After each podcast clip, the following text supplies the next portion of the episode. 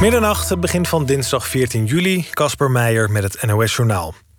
De overgebleven CDA-lijsttrekkerskandidaten Hugo de Jonge en Pieter Omtzigt... zijn vanavond in het tv-programma Op 1 voor de laatste keer in debat gegaan. Het was geen debat waarbij de emoties hoog opliepen. De twee benadrukten dat er geen kampen de Jonge en Omtzigt zijn... maar dat er maar één team CDA is. Leden van het CDA kunnen hun stem nog uitbrengen tot 12 uur komende middag. Woensdag hoopt de partij de nieuwe leider bekend te maken. Een architectenbureau uit Rotterdam heeft zich teruggetrokken uit een groot project in de Amerikaanse stad Baltimore, omdat er een foto van een Sinterklaasfeestje met zwarte pieten is opgedoken. De foto met een oud-medewerker verkleed als Sinterklaas en zijn drie kinderen als Zwarte Piet is acht jaar geleden gemaakt op het kantoor van het bedrijf. De foto leidde tot verontwaardiging bij lokale politici en betrokkenen bij het project. Het Rotterdamse bureau was ingehuurd voor de herinrichting van een havengebied in Baltimore, maar heeft de opdracht teruggegeven omdat ze vinden dat het project niet onder negatieve aandacht mag leiden. In textielfabrieken in de Engelse stad Leicester werken zo'n 10.000 mensen in moderne slavernij, staat in een vandaag verschenen rapport. De werkomstandigheden zijn erbarmelijk en de werknemers worden ver onder het minimumloon betaald. Volgens een Brits parlementslid worden ze al jarenlang uitgebuit. Tegen drie militairen zijn celstraffen tot drie maanden geëist voor de aanranding van een 19-jarige matroos op de marinebasis in Den Helder. De verdachten hebben verklaard dat het om onderbroekenlol ging en dat ze pas achteraf door hadden dat het slachtoffer het niet leuk vond. De hoogste eis is tegen een sergeant die volgens justitie het initiatief nam tot de aanranding. Het weer vannacht op steeds meer plaatsen regen. Het koelt af tot 13 graden. Komende ochtend valt er ook regelmatig een bui. In de loop van de middag is het vaker droog. Het wordt in de middag ongeveer 18 graden. Dit was het NOS Journaal. NPO Radio 1. VPRO. Nooit meer slapen.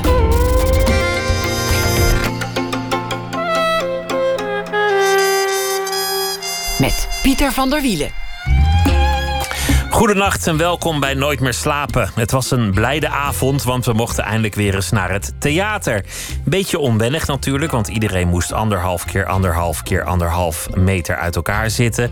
En overal pijlen en lint en tape en plichtmatige vragenlijsten over je gezondheid en welzijn. Routes die je niet helemaal begreep, vieze pompjes waar iedereen al lang aan had gezeten met desinfecterende gel. Die rook naar goedkope wodka. En dan was er een lege zaal en daardoor ook een wat mager applaus. Maar het was een blijde avond. Het Nationaal Toneel bracht onder meer Corrie Senior en Flampy. En dat is een korte afgeleide van de voorstelling Wereld volgens John. En dat was dan weer een afgeleide van The Nation. Het lijkt verdorie net Flix wel daar.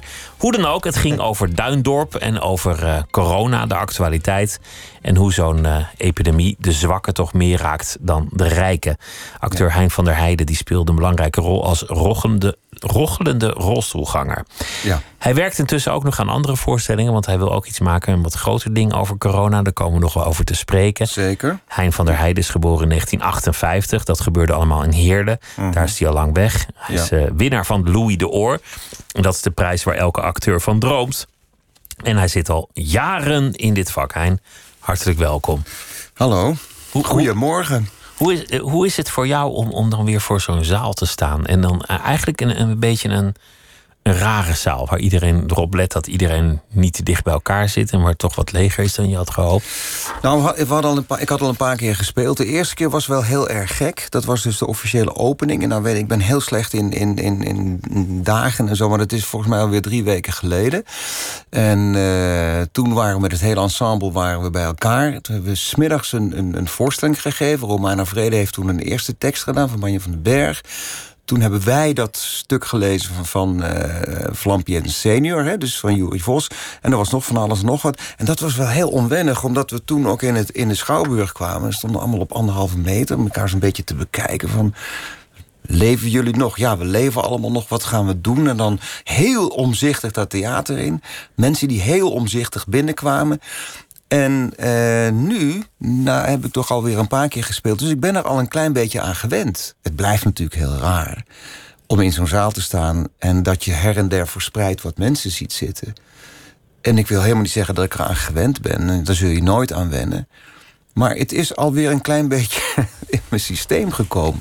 Maar voor jou was het de eerste keer dat je in theater was. Ja, en ik, dus... ik, ik, ik vond het toch... Ik dacht, nou ja, Maar goed, ik was die corona al, al zat voor die begonnen was. Ja, tuurlijk. En, en menigeen met me, neem ik aan. Maar, maar weet je waar ik mezelf een beetje op betrap? Hmm. En daarom vind ik het wel interessant om jou te spreken. Dat ik, dat ik dat ergens in mijn onder, onderbewuste dat ik soms denk...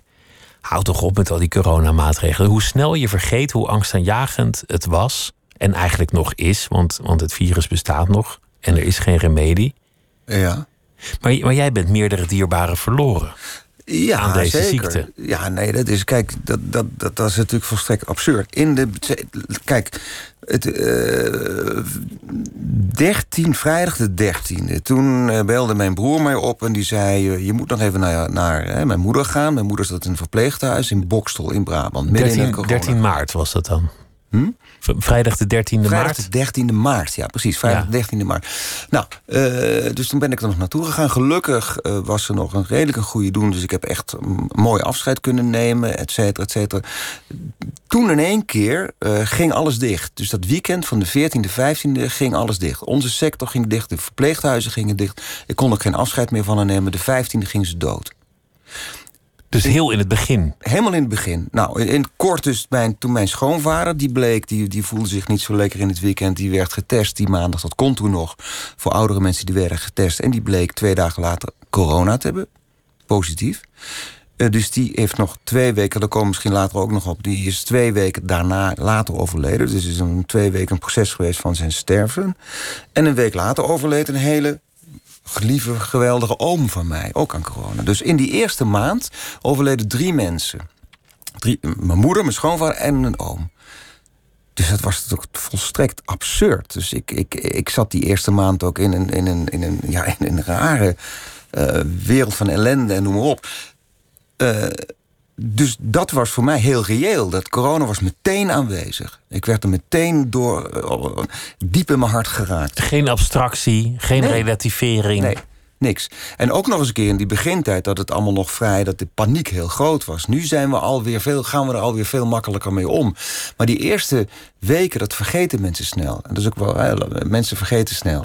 Dat is ook logisch, want je, want je wil alleen maar vooruitdenken. Maar als je weer terugdenkt, als ik terugdenk aan die eerste week, met name of de eerste twee weken, dan was ook geen enkel idee van hoe we dat moesten aanpakken.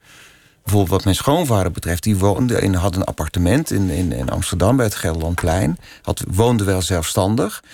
Eh, en mijn dochter was dus op dat moment bij hem. En die is al die tijd, al die twee, die vijftien dagen bij hem gebleven. Maar in het begin wist men totaal niet hoe daarmee om te gaan. Er waren inderdaad geen mondkapjes, er was geen bescherming. Dus het was werkelijk volstrekt absurd. En, en enorm indringend en, en, en, en heel heftig.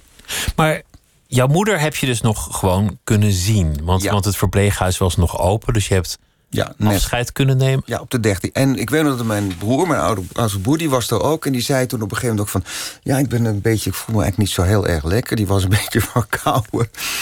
En achteraf gezien denk je, ja, misschien had hij dat wel. Of me- eh, later bleek in dat verpleeghuis waar mijn moeder zat... het was het Wereldhuis in Bokstel. Dat is nog in het nieuws gekomen. Dat, daar is geloof ik een derde van al die mensen is aan corona overleden. Bij mijn moeder is dat overigens nooit vastgesteld. Achteraf hebben ze gezegd... Ze Het moet haast het wel. moet haast wel. En toen bleek in het weekend dat er ook medewerkers van, van dat huis corona hadden. Maar het was nog een beetje, dat bedoel ik. Het was net in het begin, toen wisten we nog helemaal niet wat we eraan moesten doen. En hoe we ermee moesten omgaan. Wa- Wat zeg je dan eh, als je op het laatst je moeder spreekt? Ja, dat is echt iets. ehm, eh, ik heb het trouwens nog, nog lang. Ik moet, soms zijn er momenten dat als je dat nou me vraagt.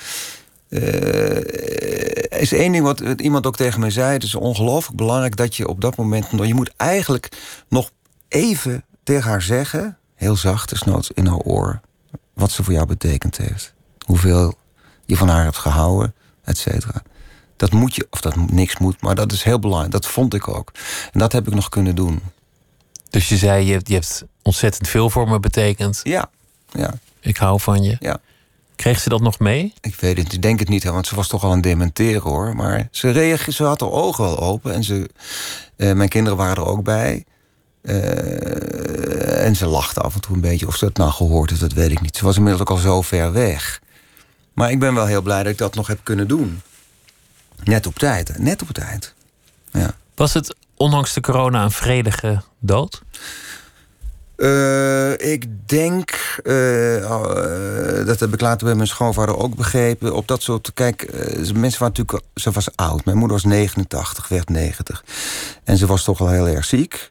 dat is over een discussie waar, die we maar niet moeten voeren... hoe je daar dan mee moet omgaan in verband met corona. Maar goed, ze kreeg op een gegeven moment krijg je die morfine toegediend. En ik denk dat dat wel zodanig is dat je dan op een laten we zeggen, vredig. Ja, je bent er nooit bij, maar dat je dan wel op een vredige manier doodgaat. Uiteindelijk, als dat gebeurt. dus toen heeft ze nog wel een paar dagen geleefd. Maar ja, dat weten we dus niet. Maar ze, maandagavond is ze overleden. En dat is dan een heel langzaam proces. Krijg je steeds meer morfine toegediend. Nou ja. En dan zak je langzaam weg. Dan zak je lang. Ik neem aan dat, ze dat, dat men dat wel zodanig uh, regelt dat uh, de wetenschap of de arts dat dat een, uh, een redelijk uh, hoe zeg je dat? Uh, een zacht einde is. Ja, ja. En er moet ook nog angst zijn geweest toen je, toen je schoonvader corona had, dat je dochter het ook zou krijgen als, als zij de hele tijd bij hem was. Dat is natuurlijk ook heel. Eh, dat was ook, dat was nou goed. Dat vervolgens uh, mijn schoonvader, die bleek dus corona te hebben. En uh, die hoorde dat woensdag. Die was maandag getest. Woensdag kreeg hij dat te horen, kregen we dat te horen. En mijn dochter was daar. Die was in dat appartement bij hem. En die konden ook niet weg. Dus, uh, Want die moest in een soort van quarantaine blijven. Nou ja, die moest hem ook verzorgen. Oh, en, ja. het was, en het was ook nog eens zo dat die artsen toen, die, die huisarts, die durfden niet naar binnen. Mensen durfden geloof ik ook niet naar binnen of iets dergelijks. Nu was hij was er en ze wilden daar ook blijven. En er was op dat moment ook door die paniek niet echt een. Hij kon niet weggehaald worden. Hij mocht. Hè, er was ook nog onduidelijkheid over. Wordt hij naar het ziekenhuis gebracht? Willen we dat? Moet hij naar, naar de IC toe? Hoe, hoe gaan we daarmee om? Dat, dat, was ook, dat ging allemaal. Hè, en je dacht, misschien dacht je nog, wie weet overleeft hij het? Misschien kan hij het overwinnen, dat virus. Dat heb ik wel gedacht. Sommige mensen konden dat ook immers. Ja, precies. Je denkt van, nou, misschien, misschien. Maar weet je, dus er was wat dat betreft nog heel veel onduidelijkheid. Maar in ieder geval, zij was er. En toen we dat hoorden, ja, oké, wat ga je dan doen? Nou, dan, gaan de dagen voorbij. Eh, er komt dus een arts bij kijken. Hij, hij hoestte niet heel erg. Dus hij had bepaalde verschijnselen wel. Hij had wel koorts, maar het was niet zo dat hij enorme lachte hoeststof buiten adem was. Dus, dus, dus je dacht, ja, hoe gaan we ermee om? Maar de tijd ging verder en uh, hij lag daar in een, ook een, een, nou, het is geen bejaardenhuis, maar in ieder geval een flat waar veel uh, bejaarde mensen woonden. Dus in dat, in dat, in dat tehuis werd, brak ook een beetje de paniek uit. Want er lag een man met corona en al die andere oudjes daaromheen... die dachten ook van, wat, wat gebeurt er? En mijn dochter was daar binnen. En de huisarts die had ook op een gegeven moment... die, kwam niet, die ging niet naar binnen. En de thuiszorg wist niet hoe ze binnen moesten komen. Want die hadden geen mondkapjes, et cetera. Dus ik sprak met haar over de hecht. Dus dan kwam ze op het balkonnetje en dan sprak ik zo met haar. En mijn zoon. En, eh, eh, en ja, mijn vrouw die was thuis, want die had zelf ook veel last van de longen. Dus die durfde niet naar buiten. En ik ging altijd boodschappen doen. Die zette ik dan voor de deur. En dan uh, deze open. En dan anderhalf. En dan, dan twee. En dan ging ik weer weg. En zo. En zo. En we belden heel veel. En we deden heel veel. Een onwerkelijk scenario. En dat ging dus maar door. Nou ja, lang voor. Nou, dus, en toen op het einde. Toen zijn ze wel, er zijn wel mensen binnen geweest. Met, ik heb dat nog gezien met van die, van die witte pakken en een masker op en zo. En toen hebben ze haar geleerd hoe ze hem morfine moest toedienen. En dat heeft ze dus gedaan tot hij overleed. Dus, je, nou ja, dat is een, een wat een, wat een weken zijn dit geweest. En intussen ja. je hele sector uh, plat. En, en collega's die, die, nou ja, uit huis gezet dreigen te worden omdat ze hun huur niet meer kunnen betalen als ze freelancer zijn. Ja, nou ja, weet je wat dat het was? Dat komt er allemaal ook nog bij. Ja, precies. Dus, dus voor mij was het natuurlijk meteen vanaf de 15e was het heel concreet. Het was niet abstract, het was reëel. Het was daar. Het was daar. Maar voor heel veel van, van ook van mijn collega's was, dat nog, was het nog redelijk abstract. Ik bedoel, we werkten niet. Maar hoe, hoe dat allemaal verder ging, dat wisten we nog niet. En na een maand ongeveer, toen plotseling gingen we, werden die maatregelen scherpen. Zouden, gingen de theaters dicht, zouden misschien wel een jaar dicht blijven. Uh, ik zit bij het Nationaal Theater in vaste dienst. Dus ik ben een van de weinigen die een vast contract heeft nog. Weinige acteurs die een vast contract heeft. Er zijn er een paar. Dus ITA in Amsterdam en het Nationaal Theater in, in Den Haag. Maar wij, deden, wij waren bezig met leedvermaak. Voorstellingen, daar zaten ook wel muzikanten bij, ZZP'ers bij. En niet alleen onze, maar ook andere collega's. Dus ik had een beetje Titanic-gevoel, weet je wel? Dus dat wij in het reddingsbootje mochten. En, de en die andere die zakte er langzaam tegen water. de noordelijke IJ- ijszee in. En dat was dus een. een eh, en voor hen werd het plotseling ook reëel. Maar niet reëel in zoals ik het meemaakte... dat mijn moeder en mijn schoonvader overleden, een oom. Maar voor hen werd het reëel omdat ze in hun bestaan bedreigd werden. Die andere ramp die zich gelijktijdig de, de voltrok. hele ma- iedereen. Dus de maatschappij, maar de acteurs ook. En dus het, het abstracte van de ziekte werd concreet in de zin van... het werd bedreigend in je, on, in, gewoon in je levensbestaan. In je geld, in je werk, in alles. En jouw, jouw idee was, hier gaan we een voorstelling over maken. Nou, idee, het, het verhaal eh, van, eh, van, van mijn dochter Dunja en, en, en mijn schoonvader... op de een of andere manier, ik weet nog dat ik het daar ook over had met Erik de Vroet... en eh, De, de artistiek leider ja, en, ja, en, en, schrijver, en et cetera. vertelde en op een of andere manier... Dus hij zei, ja... Ik weet nog dat ik een keer eh, schertsend zei van... Je hebt, we hebben hier vijf dramaturgen in dienst bij het Nationale Theater. Je kunt of kijken, een formatje bedenken.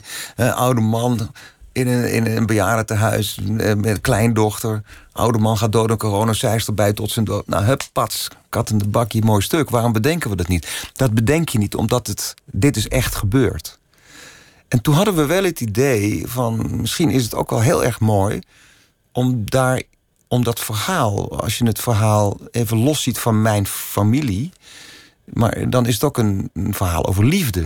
Hè? Want mijn schoonvader en mijn dochter hadden een hele hechte band, al jaren en jaren. Het is een beetje liefde in tijden van cholera. Nou ja, dat misschien boek. zoiets. En, en, en daar hebben we, zijn we toen over gaan denken. Van misschien kunnen we dat ook als een soort spin-off maken van leedvermaak.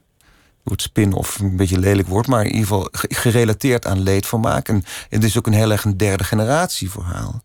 In de zin van. Dat, hè, mijn schoonvader heeft, heeft onderduik gezet, eh, oorlog overleefd, eh et cetera.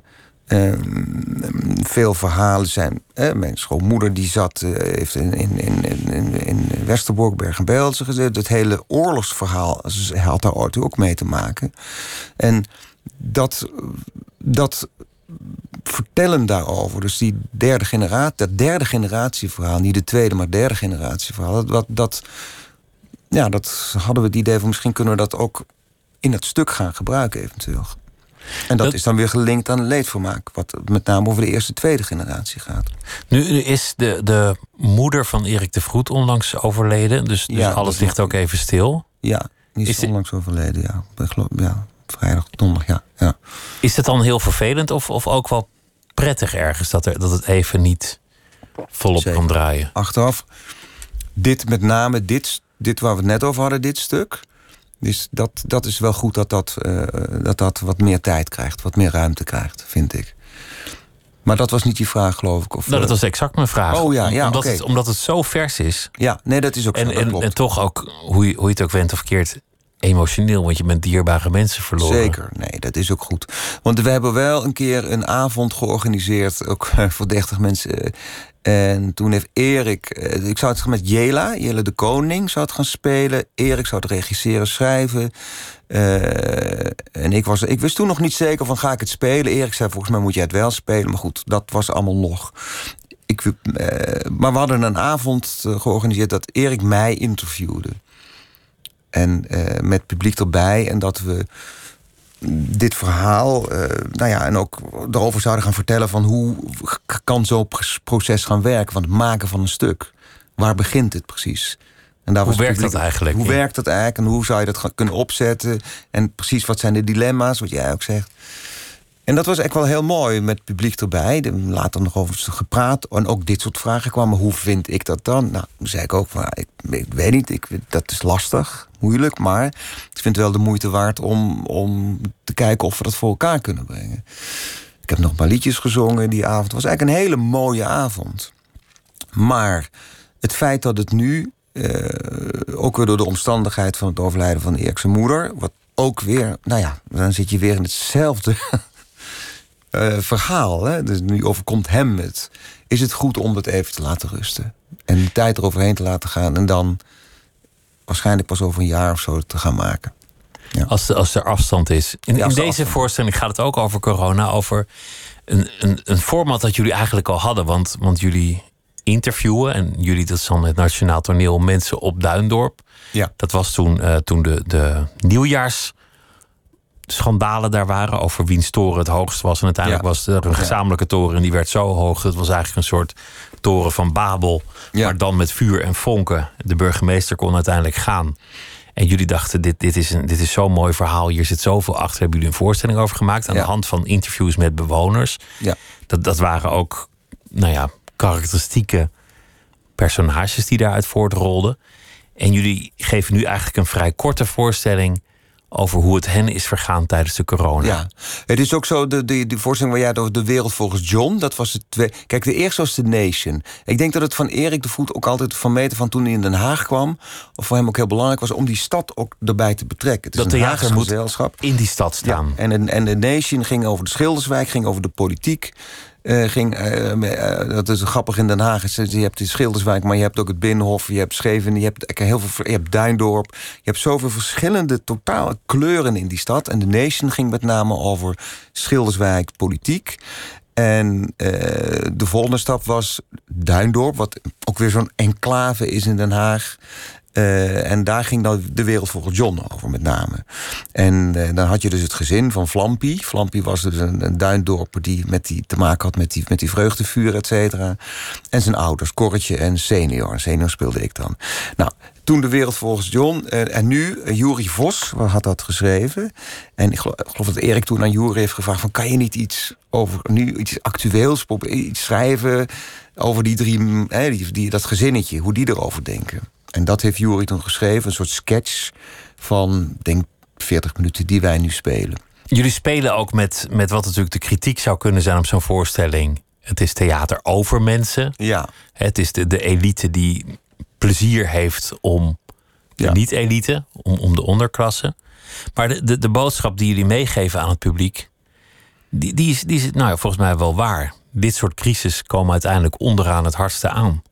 Ja, ja, het is altijd met dit soort dingen ook wel lastig. Hebben we het ook wel eens over gehad van... op het moment dat er dan gaan dus niet, niet, Hagen, niet Hagenees, niet Hagenaars... Of, of mensen die zelf uit een andere misschien sociale klasse komen... gaan dan leuk doen over Duindorp. Maar dat is helemaal niet de bedoeling, hoor.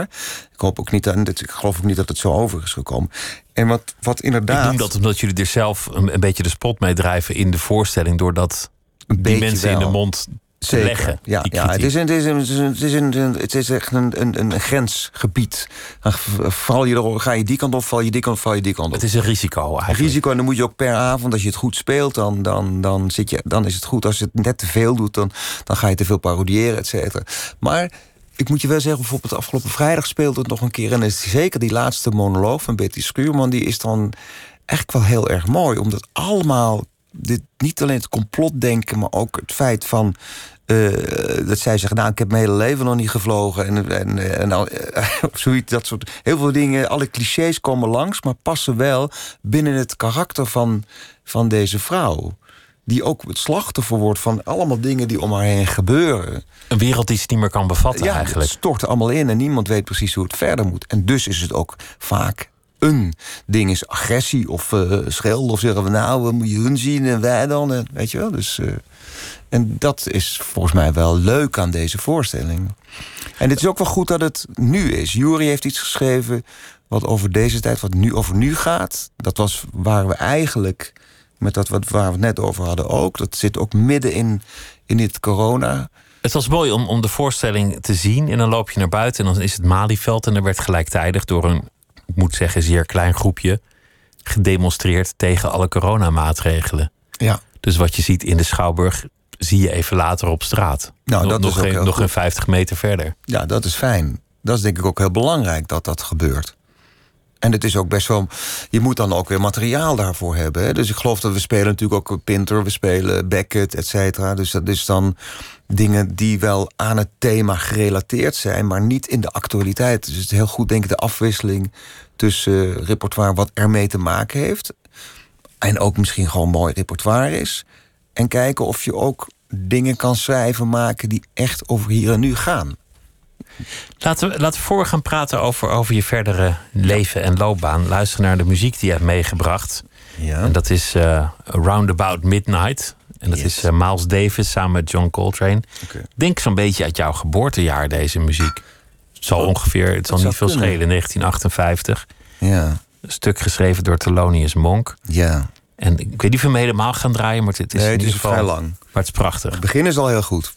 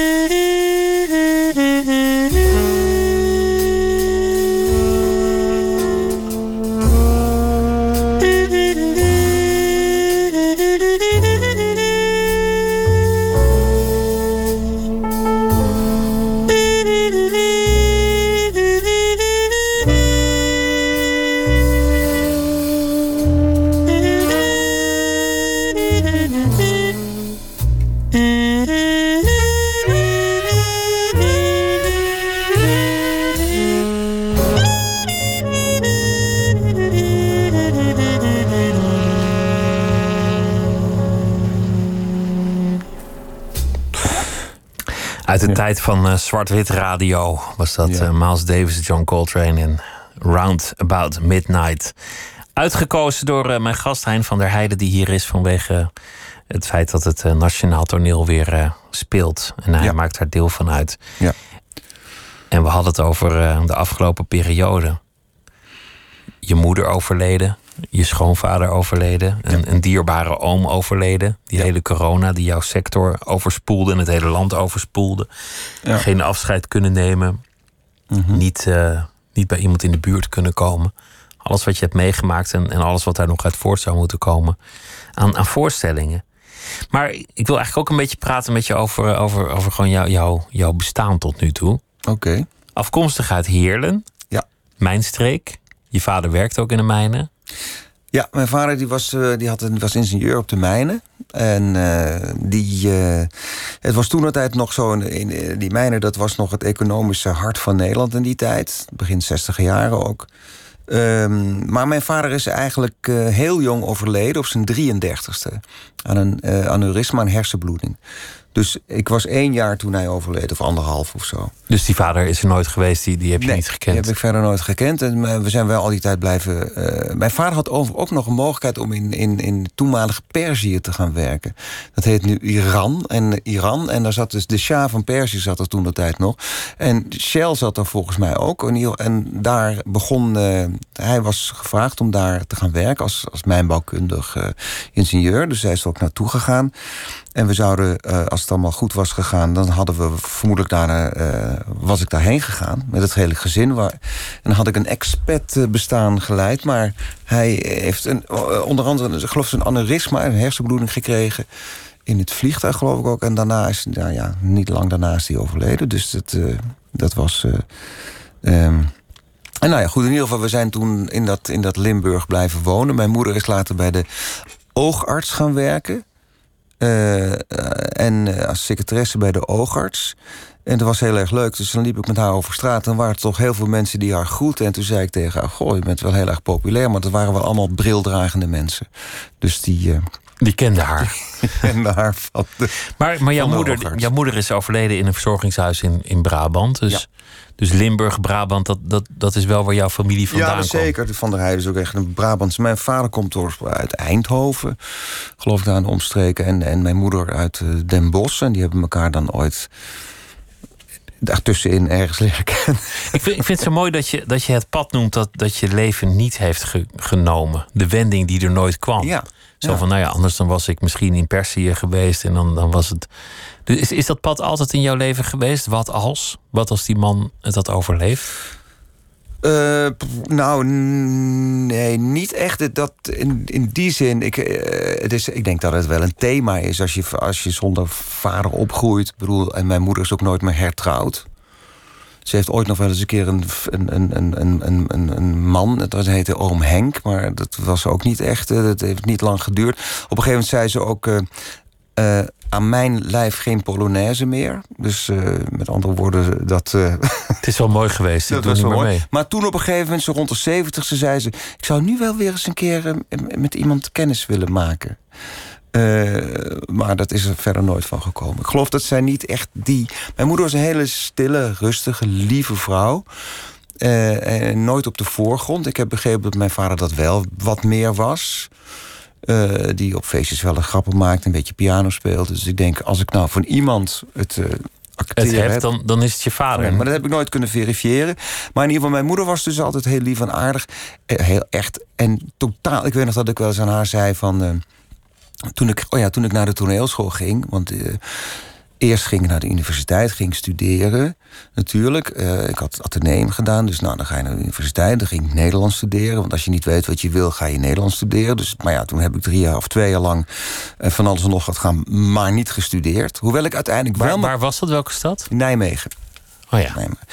Ja, Heerlen, Nijmegen. Natuurlijk, dat, zo ging dat allemaal. Het was allemaal heel vanzelfsprekend. Maar ik, ik heb overigens wel mijn kandidaats nog gehad. Maar toen... Uh, ik, zat, ik speelde wel uh, gitaar en bandjes en dat soort dingen. Dus dat optreden, had ik altijd, dat vond ik wel ontzettend leuk. Ik heb nooit in de hele middelbare schoolperiode aan toneel gedaan. Nooit. Er waren twee dingen die je niet deed. Dan was je wel een hele domme loser. En dan ging, was of bij de toneelclub gaan of bij de dansclub. Dus dat deed je gewoon niet. Dus dat deed ik ook niet. Je keek wel en uit. Toen, daar keek ik. En toen ik op een gegeven moment ging studeren, toen kwam ik wat jongens, mensen tegen. Een toneelvereniging, studententoneel en zo. Toen ben ik daarmee begonnen. En dat optreden met een bandje spelen. En, die, en op een gegeven moment heb ik toen bedacht. Uh, eigenlijk in mijn eigen hoofd, of in het geheim een beetje. Ik ga naar de toneelschool. Op een gegeven moment wist ik dat, dat moet ik gaan proberen. En toen daar heb ik verder met niemand over gesproken. Ik weet nog dat ik ook uh, een monoloogje instudeerde, helemaal alleen.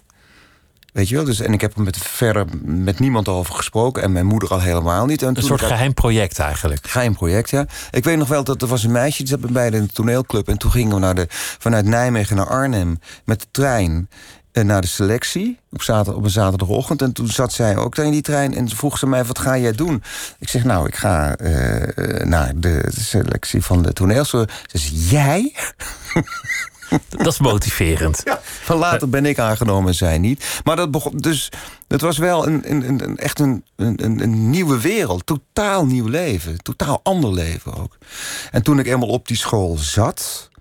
Ja, joh, dat is, dat is mijn theorie ook. Soms iedereen moet, in zijn, iedereen moet in zijn leven momenten hebben dat er iets gebeurt wat, waardoor je iets, nou ja, niet iets krijgt, maar waardoor, waardoor er iets gebeurt wat je heel graag wil. Een soort eikpunt. Momenten in je leven dat het lukt, dat iets gebeurt. Dat het klopt, dat, dat het bij je past. mislukt, maar dat het lukt.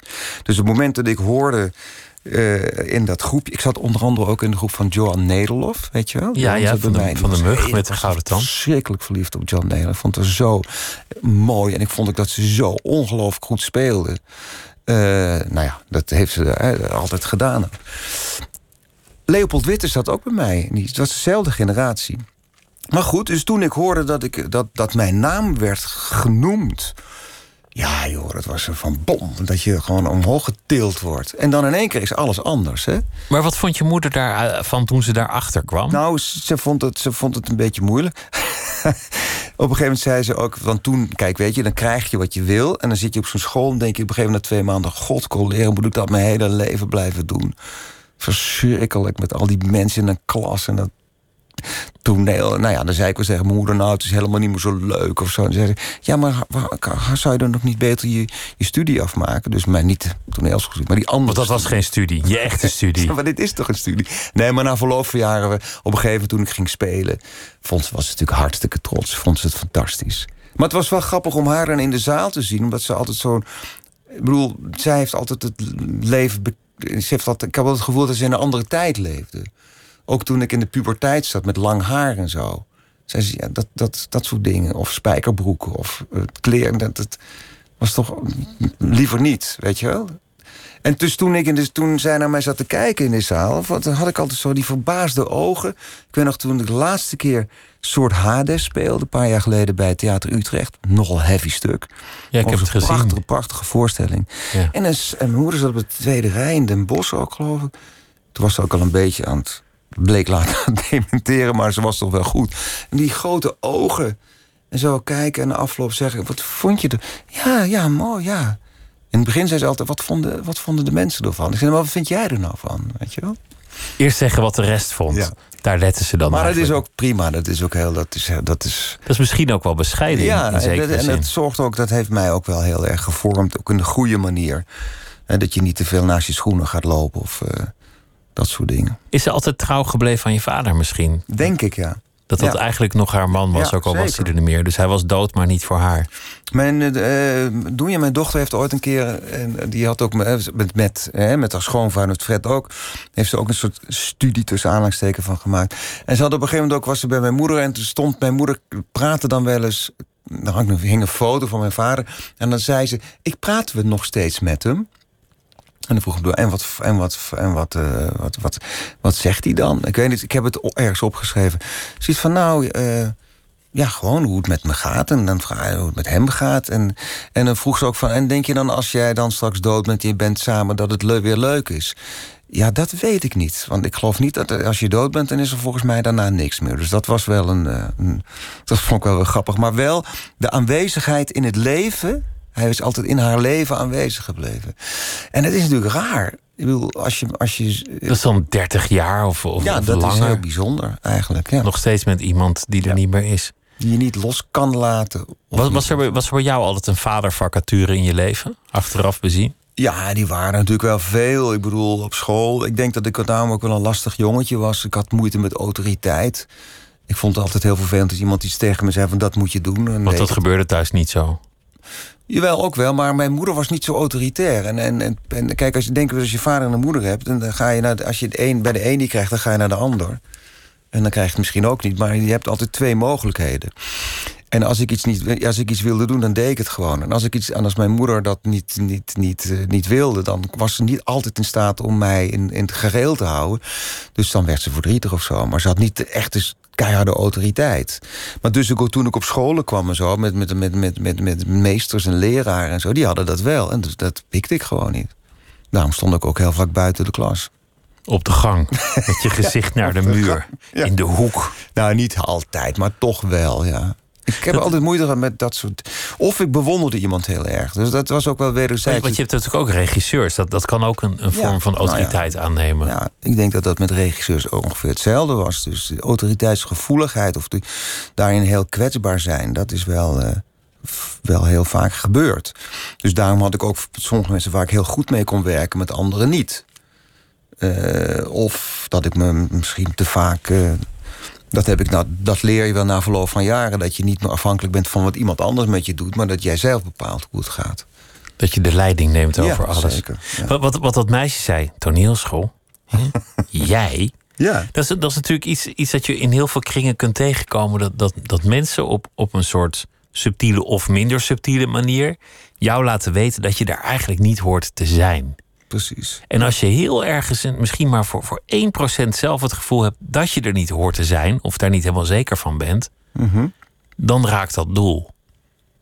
Want Ja. al die andere jongens en meisjes komen daar binnen volledig ervan overtuigd dat ze, dat ze John Ja. Hurt zijn en dat ze het helemaal gaan maken. Ja, maar zo lijkt het. Hè. Ik heb wel op een gegeven moment uh, schijn bedriegt. Uh, een goed stuk van uh, Thomas Bernhard heb ik met Kees Hulst ooit gespeeld. Ik heb dat dus ook een beetje wat in jou zit. Dus ik heb altijd dat geprojecteerd. Het is niet zozeer dat die ander zich zo voelde. Dat projecteer ik in anderen. En dat is met acteren ook wel vaak zo. Dat je heel vaak de ander, naar de ander kijkt. En die denkt van dat is goed. En bij jezelf je eigen kwaliteit nog niet kan uh, bevestigen of daarvan kan genieten. Het is ook heel grappig als je bijvoorbeeld op uh, een repetitie hebt, je ziet mensen spelen, dan kun je heel goed weten wat die ander moet doen. Terwijl als je zelf op de planken staat, zelf aan het repeteren bent, dan ben je enorm aan het zoeken. Dus de ander weet het altijd beter.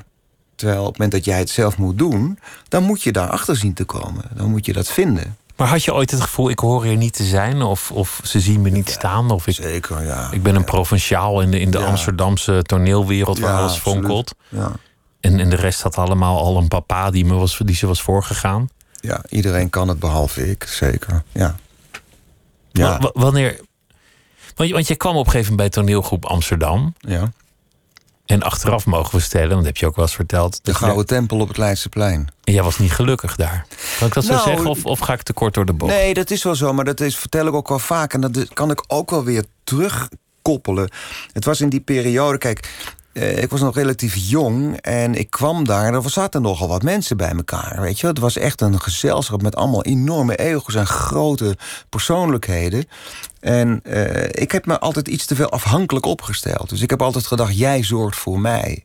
Jij zorgt dat het goed gaat met mij. Help mij, zeg je eigenlijk. Ja, precies. Terwijl op een gegeven moment kom je dan... nee, je moet je, moet, je, moet je, eigen, je, moet voor, je moet je eigen, voor je eigen winkel zorgen. Dat had ik laatst in Den Haag ook. Dat ik dacht, we zijn een grote winkel en iedereen krijgt daar een dingetje uit. Nee, je moet je eigen winkel hebben. En je moet heel goed voor je eigen winkel zorgen. En je moet veel meer in staat zijn om af en toe een klap uit te delen... of voor jezelf op te komen. Dat is iets wat je moet leren. En dat heeft ook weer met omstandigheden. Dat is weer waar, wat ik zei, als je aangenomen wordt op de toneelschool... dat is zo'n moment dat alles lukt. En zo moet je ook... Er zijn eigenlijk drie, kijk, er zijn drie dingen. Je hebt je talent, maar je talent is iets objectiefs. Dat heb je gewoon. Dan is het de tweede zijn je alles, je karakter, je, de sociale omstandigheden. Waar kom je vandaan? Wat heb je meegemaakt? Uh, hoe ben je opgevoed? Dat is twee. En dan heb je drie, je moet ook een beetje mazzel hebben. En als die, als, als, dat, als die derde ontbreekt, of niet met die, en als die drie dingen in één keer samenkomen, dan gaat dat talent in één keer knal. En dat kan, dat kan soms een, een tijdje minder gaan. En dan kan in één keer weer opbloeien. Maar het, het is natuurlijk ook een beetje of iemand jou een rol wil geven. Er zit iemand op zo'n positie en die moet het in jou zien. Ja. Die moet maar denken van nou, dan hebben we nog uh, Hamlet. Wie zal ik dat eens doen? Ja, nou bijvoorbeeld. Nou, dan toen, hoop je maar net dat jij toen, het bent. Toen bij Toen Weg Amsterdam hadden we, was er één, hem, Pierre was het, Pierre Bokma, dat was. Dat was elke keer Hamlet. Ja, er was er toen een verdeling zo van. Je hebt geloof ik iets van drie, drie speelt drie rollen. Je speelt een grote rol, een middenrol en een kleine rol. Maar Pierre speelde dan twee grote rollen en de middenrol of weet ik veel. En jij was de boom. Ja, ja, ja, ja, ja. Je had dus, nou ja, goed, in ieder geval. Ik, nee, ik heb er ook hele mooie dingen gespeeld. Maar er was ook wel sprake van een zekere hiërarchie. En het is op zich ook helemaal niet erg. Weet je wel, het is alleen zo, hoe ga ik daarmee om? En eigenlijk, dus de laatste jaren van toen ik op Amsterdam... was niet alleen het feit dat, het, dat ik het daar minder leuk vond... dat gezelschap aan zich was al na zoveel jaar. En ik ben er ook niet van meter van bijgekomen. Die laatste jaren ging het gewoon schuiven. Het was niet meer de totale kick die het ooit was. Dus op het moment dat Ivo van Hoven kwam... Kijk, dat is ook een van de dingen. Soms moeten er dingen van... Soms moet een verandering van buitenaf komen als je in zo'n gezelschap zit, is er ieder jaar al iets te doen. En iedereen zit te zeiken en dit en dat. En het loopt niet meer lekker. En door iets van buitenaf, in dit geval een nieuwe directeur.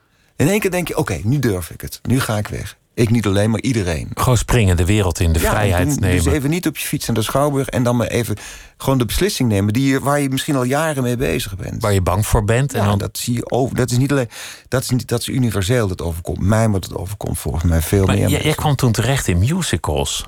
Ja, nou ja, kijk, eh, precies. En, en dat, is, dat, dat, vind ik, dat vind ik interessant, omdat ja. er wordt in die kringen, weet ik, door sommigen, niet door iedereen, toch wel eens op de musical neergekeken. Zeker in die tijd. Het was in 2000. Hè? Dus wat toen niet ik... terecht is, wat, wat flauw is. Nee, maar, dat maar is... toch. Maar toen dat tijd had je nog het hele politiek, politiek correcte toneel. En je was een links-intellectueel, ik zeg maar, acteur. En je zat bij Toen Echt Amsterdam. Dus je mocht sommige dingen mocht je niet. Je mocht geen reclame doen. Je mocht geen musical doen. Je mocht niet bij Joop van den Ende gaan werken. Je mocht geen vrije productie doen. Je mocht eigenlijk heel veel niet. Maar dat was ook omdat er toen de tijd was er ook nog, er waren nog veel meer gezelschappen. Er was nog veel meer mogelijkheden om toneel te maken. Nu is dat veel minder veel meer subsidie, eigenlijk nog veel meer. Hoewel er toen ook al bezuinigd werd. Maar goed, toen ik wegging bij Toneel had ik helemaal geen werk. En we hadden een heel groot slotfeest. Een Hajo Bruins, die ik al van de toneelschool kende. Hajo en ik hebben 150 liedjes gemaakt samen. Al vanaf de toneelschool, tussen de schuifdeuren. We hadden voor iedereen een liedje gemaakt grote feestavond. En uh, iedereen was er aan het kijken. Onder andere Frans Wijs. Die was er dus ook. gewoon een soort parodierende liedjes ja, over je collega's. Over, over, over Geert-Jan Reinders, over Pierre, over dit of dat. En allemaal liedjes over... Ja, gewoon tussen de... Gewoon liedjes. Wij maakten altijd liedjes op, uh, voor feesten en partijen. En uh, Frans Wijs die zat ook in die zaal en die zag dat. En die denkt, god, die en die kan ook nog zingen. Dus die belde me eigenlijk de dag, twee dagen na dat feest toen ik dacht van nou, ik, ga, uh, ik weet niet wat ik ga doen. Of ik wilde auditeren voor een musical. Musical over Frank Sinatra. Dus toen zei ik, dacht ik van ja, dacht het niet. Ik ga niet in een musical zitten. Maar Frans Wijs was weer een beetje... Hè, een uh, intellectuele filmmaker. Dan tikkeltje politiek correct. Kleine musical, niet van de ende, dit en dat. Nou, dus ik trek de stoute schoenen aan. Ik ga met mijn gitaar naar een studio. Zing een liedje. Speel een scènetje. Steek een sigaret op. Want ik had wel even naar beelden van Sinatra gekeken. Ik was toen nog zo naïef. Maar, maar Sinatra en, Ja, en was- zingen. Want, Ja. want als er iemand kon zingen in de, in de wereldgeschiedenis, was het Frank. Sinatra. Maar ik was toen de tijd met, met jazz inderdaad. Miles en Coltrane en die Sinatra. Daar eh, was ik, die kende ik eigenlijk helemaal niet. En het was toch een beetje van, nee, dit is niet een echte jazzcat. Maar goed, ik ging er naartoe. Ik, ik steek de sigaret op zo. Eh, I got a world, begin een beetje te zingen. Nou, schiet die peuk naar de regietafel. eh, gaan we spelen centje, ga terug. Wordt twee dagen later gebeld of ik terug wil komen. Maar of ik dan mijn gitaar niet mee wil nemen. En alsjeblieft ook niet wil roken. Nou, vervolgens heb ik nog een keer een auditie En geen peuken naar de regie schieten. nog een keer een auditie gedaan. En tot mijn verbazing kreeg ik die rol. En ik dacht, mijn god, wat moet ik nu doen? Toen heb ik Willem Nijholt nog even gebeld, want had ik mee gespeeld. Had ik hem gebeld, Willem, wat moet ik nou doen? Het was Cor Frank, American Songbook, waar hij al voor gewerkt had. Zijn rol van Sinatra zei ja, ik ben er natuurlijk te oud voor. Ik zei, nou, het gaat even niet over jou, maar wat eh, zou je me nu eh, willen aanraden? Nou ja, geintje. Toen, toen heb ik met, met, met Willem erover gezegd, doe maar jongen. Uiteindelijk ben ik dat gaan doen. Nou, dat is ook een verhaal van 3,5 uur. En toen uh, uiteindelijk kreeg ik uh, nou, gespeeld. Drie maanden later, toen ik er lang vergeten was, stond er een man in de tuin met een grote envelop en een cameraploeg. En dat was dus Hans van Wilgenburg. Dus ik dacht, nou, ik heb misschien een miljoen gewonnen in een loterij. En het bleek dus dat ik genomineerd was voor de beste mannelijke hoofdrol in de musical, de Johnny Krijkamp Musical Award. Niet gewonnen. Uh, vervolgens uh, nou ja, mijn naam was toen wel in, de, in, die, in die wereld. En toen werd ik gevraagd voor The Lion King om te auditeren. Nou, dat is ook weer een verhaal van 3,5 uur. En uh, die rol kreeg ik dus ook. Want vaak als je iets niet wil, krijg je het. Maar dat was nog even, weet je, nou ja, dat is onzin. Maar dan kun je, ben je eens wat relaxed. Ja, ja, nee, als je niet als echt nerveus dan, bent, uh, dan... Dus, maar ik kreeg, ik kreeg echt een lang van, maar ik kreeg die rol. En toen dacht ik, mijn god... Uh, wat nu, uh, Joop van de Ende musical, het was 2004.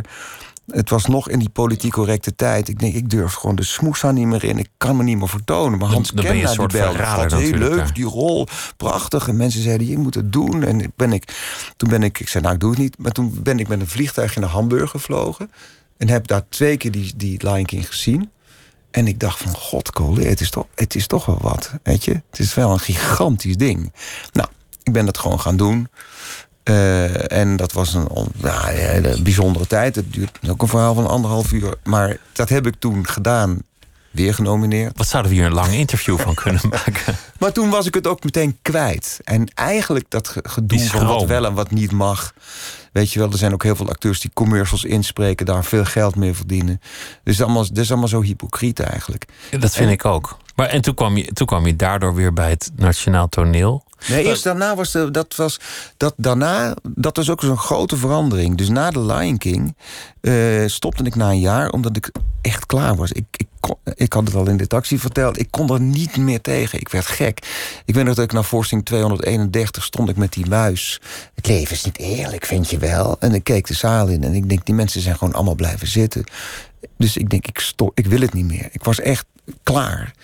Nou. Uh, ja, toen heb ik ook nog regieassistentie bij Jesus Christ Superstar. Maar weer een ander verhaal. Maar daarna ben ik daar gestopt. En toen ben ik, kwam ik Erik de Vroet tegen. En die begon Mighty Society. Of die was met Mighty Society bezig. En die vroeg mij om daar aan mee te doen. Dus vanuit van dat enorme eh, circustheater groot naar boem. Naar, naar dat kleinschalig theater met, met... En dat was gewoon bats, meteen midden in de roos. Mighty Society 4 was een geweldige voorstelling. Even recapitulerend, want ik noemde je een provinciaal, maar dat, dat bedoel ik natuurlijk omdat ik dat niet zelf vind dat je dan een provinciaal bent, maar omdat ik weet dat er sommigen dan toch een beetje. Nou, ik vind provinciaal ook een beetje een geuzennaam. Dat moet je ook zo zien. je, moet, je, moet, je moet trots zijn op, ja, ben ik ook. waar je vandaan komt, waar je ook vandaan komt. Zeker. Maar, maar wat is het moment dat, dat al dat soort dingen niet meer tellen? Van, van, van onzekerheid of er wel mogen zijn, of, of erkenning, of niet voor jezelf opkomen. En dat je die erkenning in je leven hebt gekregen. Dat je denkt, ik heb mijn erkenning gekregen. Ik ben, mensen hebben het gezien, het bestaat, het mag bestaan. Um, nou, je zou, je zou misschien denken dat dat, dat het moment was toen ik de Louis d'Or, toen ik die prijs won. Maar ik had overigens voor de Mighty 4 de Arlecchino gewonnen. Uh, maar uh, dat is nog even toch wel iets later gekomen. Het is eigenlijk een. Um, uh, hoe moet ik het zeggen? Dat ik uh, die spanning of, of dat onzekerheid of die angst, weet ik. Een première zei ik al tegen je. Noem ik niks van niks, niet van niks een de bijna doodervaring of zo. Dus, dat je sterft van de zenuwen. Ja, en dan uiteindelijk dan pats, dan gebeurt het weer die, het is een manier van leven, een manier van denken. En dat is langzaam maar zeker wat meer aan het veranderen. Dus dat ik er ook achter ben gekomen, laten we zeggen, dat die angst, die, die totale verzenuwde, of al die dingen die iedere keer maar weer jezelf naar beneden halen, of dat dat eigenlijk de belangrijkste bron is. Dat daar je krachtbron zit. Daar zit je energie, daar, zit de opwinding. Dus daar iets minder bang mee voor zijn. En, en iets, iets, iets minder. Uh, dat voor je laten werken, eigenlijk, ja, die spanning. Precies. Dat, dat je er lol in hebt. De lol, ja. En, en, en, en het zal bij mij nooit zo zijn dat ik echt. Uh, ik kan ontzettend uh, genieten van, van spelen en zo. Maar dat proces ernaartoe, die, dat zoeken, dat hoort nou een beetje bij me. Je hebt ook acteurs die veel sneller een, al iets sneller iets vinden en daar langzaam op doorgaan. Ik ben dan enorm aan het zoeken van allerlei kanten. En dan kan het nog twee, drie dagen voor de première in één keer dan pats. Dan of heb je onder de druk van de. Ja, dat, dat is nou eenmaal. Een... En dan gaat het vliegen. Ja. Maar ik, ik, dacht, ik dacht na daarover over, over bijvoorbeeld Donald Trump. Die, die, stinkend rijk. Ja. Is president van Amerika. Veel belangrijker, veel machtiger word je niet. Ja. En eigenlijk is die man nog elke dag verongelijkt. Elke dag nog boos omdat hij zich niet erkend voelt. Ja, maar weet je, ik heb mijn broertje, die is officier van justitie, die zei op een gegeven moment keer tegen me: had onderzoek in Amerika gedaan naar CEO's van grote bedrijven en zo. En, en, dit soort uh, uh, Trumps en weet ik veel. En toen de psychologische onderzoek, en dan kwamen ze erachter dat die mensen eigenlijk een, in Pieter Baan Centrum thuis horen. Die hebben een meervoudige persoonlijkheidsstoornis. Het zijn gewoon mensen met een totale gekte. Dat zijn geen normale mensen. Dat zijn, eh, weet je, dus ze hebben de, dezelfde symptomen die, die, die, die, die serial killers hebben. Dat, uh, en dat drijft ze ook. En daardoor kunnen ze dat werk misschien ja, dat is niet. Dat, dat, dat, dat is iets anders dan jij. Wij zijn wat dat betreft toch redelijk normaal. Dit soort mensen horen in het Pieter Baan Centrum thuis, volgens mijn broer dan. Maar mensen worden generaliserend sympathieker wanneer ze dat. Wanneer ze een keer zo'n Louis Door hebben vastgehad. of een ander moment dat ze, dat ze weten die bevestiging. Dat het gezien is. Ja, maar die bevestiging is ook heel erg belangrijk. En weet je wat het ook is? Eh, op een gegeven moment moet je dat ook gewoon tegen jezelf durven zeggen. Maar je kan af en toe, dat weet ik van mezelf, ik kan af en toe gewoon paard zo heerlijk spelen. Als het lukt, dan is het ook echt het mooiste wat er is. Maar ja, weet je, van de tien voorstellingen die je maakt, hè, moet je ook heel eerlijk in zijn. zijn die zijn niet allemaal goed. Er zijn er misschien één of twee goed. Dan drie zijn middelmatig. Twee zijn eh, eigenlijk eh, niet om aan te zien. En drie kun je door de play trekken. Bij wijze van spreken. Je kunt niet van jezelf eisen dat, je dat alles goed is. Ik heb ook een, beetje een hekel aan acteurs die nooit durven toegeven dat ze falen. Of die altijd maar alles moeten zeggen van oh, bobbelen bob, bobbelen bob. Geef nou gewoon eens toe dat het niet altijd lukt. Want mislukking is ook weer de humus voor wat later succes wordt. En dat is ook een, hoe nu tegenwoordig wordt het ook, omdat subsidie weer onder druk staat en zo. Het moet altijd maar goed zijn. Dat kan niet. Het kan niet altijd goed zijn. En een, een, een slechte voorstelling of een mislukte voorstelling kan iemand raken, om wat voor reden dan ook, of een, of een parel zijn. Ja. Ik kom jou tegen en jij zegt, nou, dat, ja, die voorstellingen, dat, oh, wat was het erg, ik ging dood. Ik, ik, nou, ik, het was echt, we zaten in zak en as. Die, ja, die avond. En, en ik, heb het, ik heb het niet gezien. Nee. Ik heb genoten. Ik vond, ik, vond het, ik vond het hartstikke leuk nou, en hartstikke ben ik ook weer heel blij om. Dus dan, dan hebben jullie jezelf daar ook een beetje voor niks te put in zitten draaien. Ja, en dat precies. Zoveel, ja, nou zoveel mensen waren er niet. Maar dat, dat was natuurlijk vanwege die dingen. Maar volgens mij heeft niemand dat zo ervaren. Maar dat is dan ook weer zo interessant eigenlijk. Dat je dus ook als je dus in een proces zit van iets aan het maken bent met elkaar. Dan kun je elkaar ook heel erg de put inpraten. Of je kunt, je, je kunt jezelf de hemel inprijzen. En in beide gevallen is het publiek, uiteindelijk jij oordeelt erover. Dus als jij op een gegeven moment dat, toen dat tegen mij zei, heb je waarschijnlijk de. de want de avond daarna dat we speelden, ging het echt stukken beter. Uh, maar je hebt in ieder geval de basis gezien. En die basis was wel goed. En het dat niveau is gewoon goed. En, dan en die avond dat wij speelden, waren, was er zo, sloeg er zo'n paniek toe... dat, dat bijna afloop dachten, oh my god, weet je, wat is er gebeurd?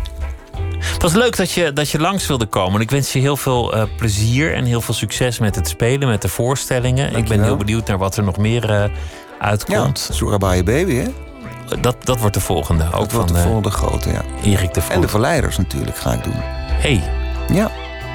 Hein van der Heijden, dankjewel dat je langs wilde komen. En uh, morgen in Nooit meer slapen dan is uh, Koos Meinderts de gast. Hij is uh, schrijver van kinderboeken, liedteksten en uh, ook films gemaakt, dat soort dingen.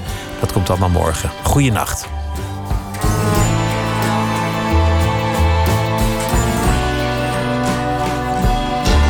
Op Radio 1, het nieuws van alle kanten.